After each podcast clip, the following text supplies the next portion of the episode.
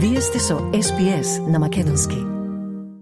Бугарската вице-премиерка и министерка за надворешни работи Марија Габриел вчера во бугарскиот парламент изјавила дека Бугарија нема билатерален проблем со Македонија во однос на интеграцијата во ЕУ и дека услов за продолжување на европскиот пат на Скопје не се само уставните измени, туку и почитување на договорот за добрососедство и на двата протокола. Габриел рекла дека се одржани два технички состаноци во јули во Софија и во октомври во Скопје, на кои е констатирано дека нема напредок. Македонската влада смета дека ова не е загрижувачка порака. Прв изјавата на Габриел ја прокоментира вице-премиерот за европски прашања Бојан Маричич. Тој во изјава за медиумите рече дека само уставните измени се единствен услов за одржување на втората меѓувладина конференција со Унијата дека договорот за добрососедство и протоколите мораат да се почитуваат, но дека не се обврска од кој зависи отворањето на поглавјата. Ние ниту сме кажале дека тоа не, нема да се почитува, ниту сме кажале дека некој од нашите договори со соседите нема да се почитува. И тоа ќе биде како прашање до крајот на преговорите.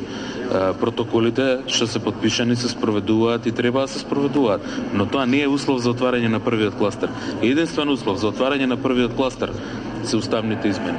И тоа јасно го пишува во заклучоците на Европскиот совет. Истиот став го застапува и министерот за надворешни работи Бујар Османи. Тој изјави дека на последниот самит на ЕУ имало доставено барање за почитување на протоколите, но тој вели дека единствен услов земјава да го продолжи евроинтегративниот пат се уставните измени. Не е многу важно сега дали Бугарија во иднина ќе има нови барања.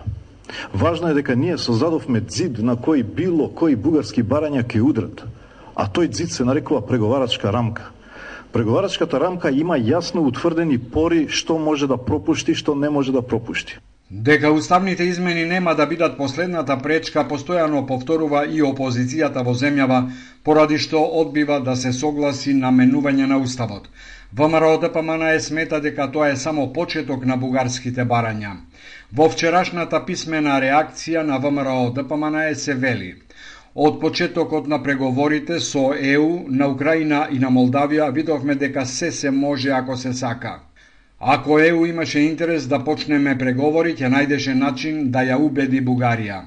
Почетокот на преговорите за Украина и Молдавија е доказ дека причина зошто не сме почнале преговори со ЕУ не е Бугарија, туку криминалот и корупцијата на власта не запира да зачудува мазохизмот на СДС и ДУИ, кои по сите добиени шамари и јасни сигнали дека во Македонија има епидемија на корупција, тие продолжуваат да спроведуваат штетни политики наместо да понесат одговорност. Со СДС и со ДУИ Македонија не може подобро. Потребна е нова влада која ќе се грижи за националните интереси и ќе се бори против криминалот и корупцијата, се вели во реакцијата на ВМРО да ДПМНЕ. На панел дискусијата организирана од фондацијата Фридрих Хеберт, посветена на проширувањето на Унијата, премиерот Ковачевски и вчера повтори дека единствен виновник што земјава не ги почна преговорите е ВМРО ДПМНЕ. На последниот самит на ЕУ Македонија имаше празен гол и чист пенал, но не го искористи поради опозицијата. Ковачевски на трибината рече дека ништо не е загубено. 2030-та и натаму е достижна година за членство во Унијата. Проблемот е што некој заради личен политички профит, заради лична политичка агенда, сакаше да ја повтори 2008 година и ја повтори 2008 година.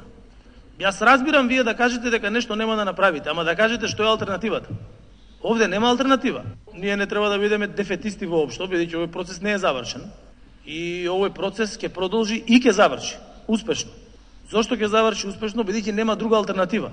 Последниот самит на Европската Унија минатата недела за Македонија заврши само со препорака за уставни измени, додека европските лидери успеаја да го заобиколат најавеното вето на Унгарија и донесоа одлука за почеток на преговорите со Украина и со Молдавија. Расположението за членство на Македонија во ЕУ во земјава е на најниско ниво во последниве 10 години.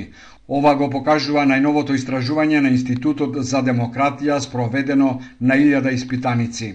Според анкетата се зголемува бројот на неопределени и апатични и тој достигна 30% од испитаниците. Според објавените анализи, 53% од младата популација од 18 до 24 години го поддржува членството во ЕУ, а 66% од граѓаните сметаат дека земјава не е подготвена за членство, додека тој процент минатата година изнесуваше 51. Марко Трошановски, председател на Институтот за демократија за медиумите рече најниско ниво на поддршка за влез во Европската Унија, иако е сепак мнозинството од граѓани е, стои за таа поддршка, а изнесува 60%. 60%. Постои да етничка се поголема етни се поголем етнички јас помеѓу македонците и албанците, иако и, две, и двета, двата етникума со множинство го поддржуваат членството во Европската Унија. Со реакција се вклучи во да Поманае. Портпаролката Марија Митева на пресконференција ги наведе причините за македонскиот евроскептицизам. Криминалот на Ковачевски и Ахмети ја чини Македонија нова блокада. Никој не гледа на Македонија како средана и правна држава. За жал, поради власта на СДС и ДУИ, Македонија за европските политичари не е спремна да ги започне преговорите во ваква несредана состојба во каква што се наоѓа. Затоа на Македонија ја потребен комплетен рестарт, борба со криминалот и корупцијата и дипломатија со капацитет, која ќе представува Македонија достоинства. Членството во ЕУ е многу важно за 40 насто од населението, додека за 20 насто воопшто не е важно. Македонците се попесимистични во поглед на европскиот пат на државата во однос на албанците. Само 24% од испитаниците се согласуваат со преземената обврска за уставни измени. Обдукцискиот извештај за убиените Вања Ѓорчевска и Панче Жежовски се уште не е пристигнат во јавното обвинителство. Јавното обвинителство е во фаза на прибирање на сите докази. Извештајот од Институтот за судска медицина не е официјално доставен до обвинителството, се вели во краткото сообштение од оваа институција.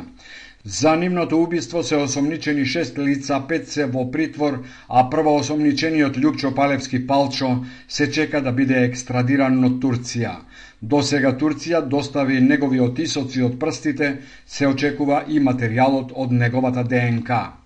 Убиството на 14 годишната Вања Ѓорчевска го забрза процесот на заокружување на системот за рано предупредување на исчезнатите лица. Имено вчера почна да функционира веб страницата Најдиме Орага МК, која е дел од меѓународниот систем за рано предупредување на исчезнатите деца Амбер Алет во земјава познат како Најдиме. Македонскиот Амбер Алет е правен по моделот на австрискиот, а платформата ќе функционира на македонски, на албански и на ромски јазик со помош на Мавара. Министерот за образование и наука Јетон Шачири пред новинарите рече дека се потребни заложби за негова континуирана надградба. Тој да биде интегриран и поврзан помеѓу поврзување на добивање на информации веднаш после внесување на податоците Од почетокот на годинава, заклучно со декември, пријавени за исчезнати се 69 лица, 4 од нив се деца, поголем број се пронајдени или сами се вратиле, а потрагата трае по 22 лица, од кои две се деца. Стиснете, ми се допаѓа, споделете, коментирајте. Следете ја SPS на Македонски на Facebook.